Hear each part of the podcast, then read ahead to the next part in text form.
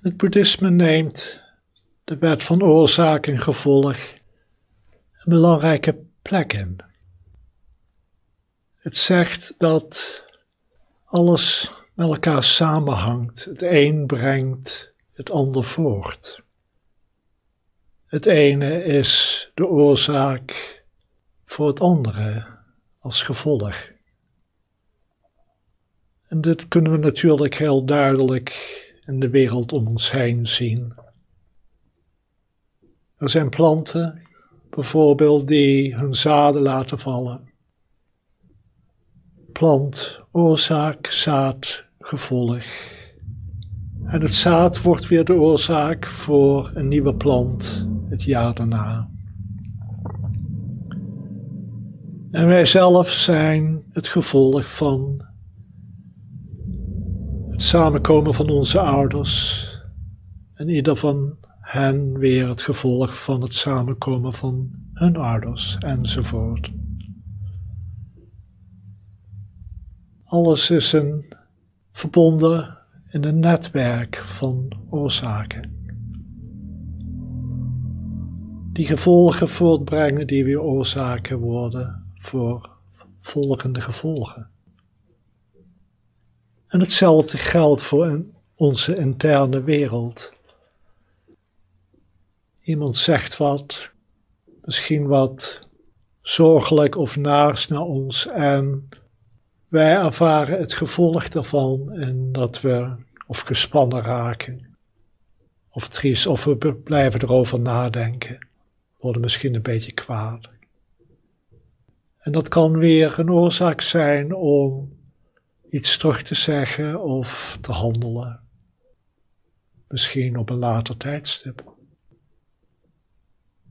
Het wordt ook wel de wet van karma genoemd. Vaak afgebeeld als een wiel dat maar blijft ronddraaien. Want zo gaat het vaak met oorzaak en gevolg. Het gaat maar door. Ieder van ons heeft de vrijheid om een positieve oorzaak in te brengen in dit geheel.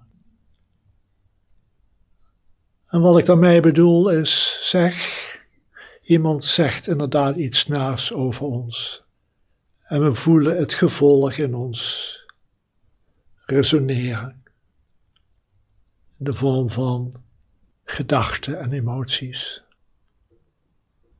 dan hoef je daar niet op te reageren, op te handelen.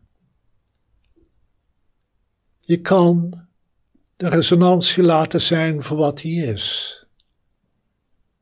En besluiten om iets heel nieuws in te brengen. Een positieve oorzaak.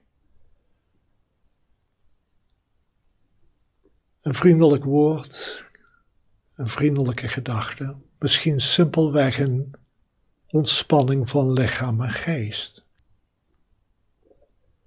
En zoals het dan gaat met de wet van oorzaak en gevolg, jouw positieve oorzaak heeft ook weer gevolgen. Dus we zijn aan de ene kant deel van de wet van oorzaak en gevolg en tegelijkertijd is er een vrijheid ervan. Als we de resonantie van iets naast laten zijn voor wat het is en we brengen een nieuwe oorzaak in, een positieve, van waaruit komt dat dan? In onszelf. Waar halen we die kracht vandaan?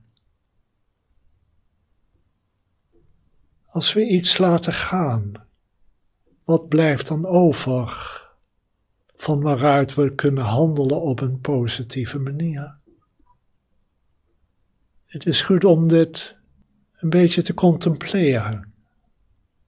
Want het is die plek van vrijheid, die plek van stilte, waarin alle kracht zit om iets anders in de wereld neer te zetten dan wat in de stroom van oorzaak en gevolg zit.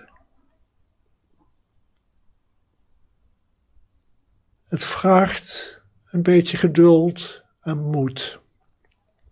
Want zoals iedereen weet, soms is die resonantie van iets wat onplezierig is heel sterk. En voelen we ons bijna gedwongen om te reageren in dezelfde manier. Of vanuit die spanning. Het vraagt kracht om het te laten zijn, het los te laten. En iets nieuws in te brengen, iets positiefs. Dus we oefenen hierin. Het zitten zelf is al een oefening in het laten zijn en loslaten. Terug te komen naar die plek van vrijheid en stilte. Laatst zei iemand dat haar intentie was om waar mogelijk altijd een positieve oorzaak te zijn. Wat een mooie intentie. Het maakt de wereld een klein beetje beter.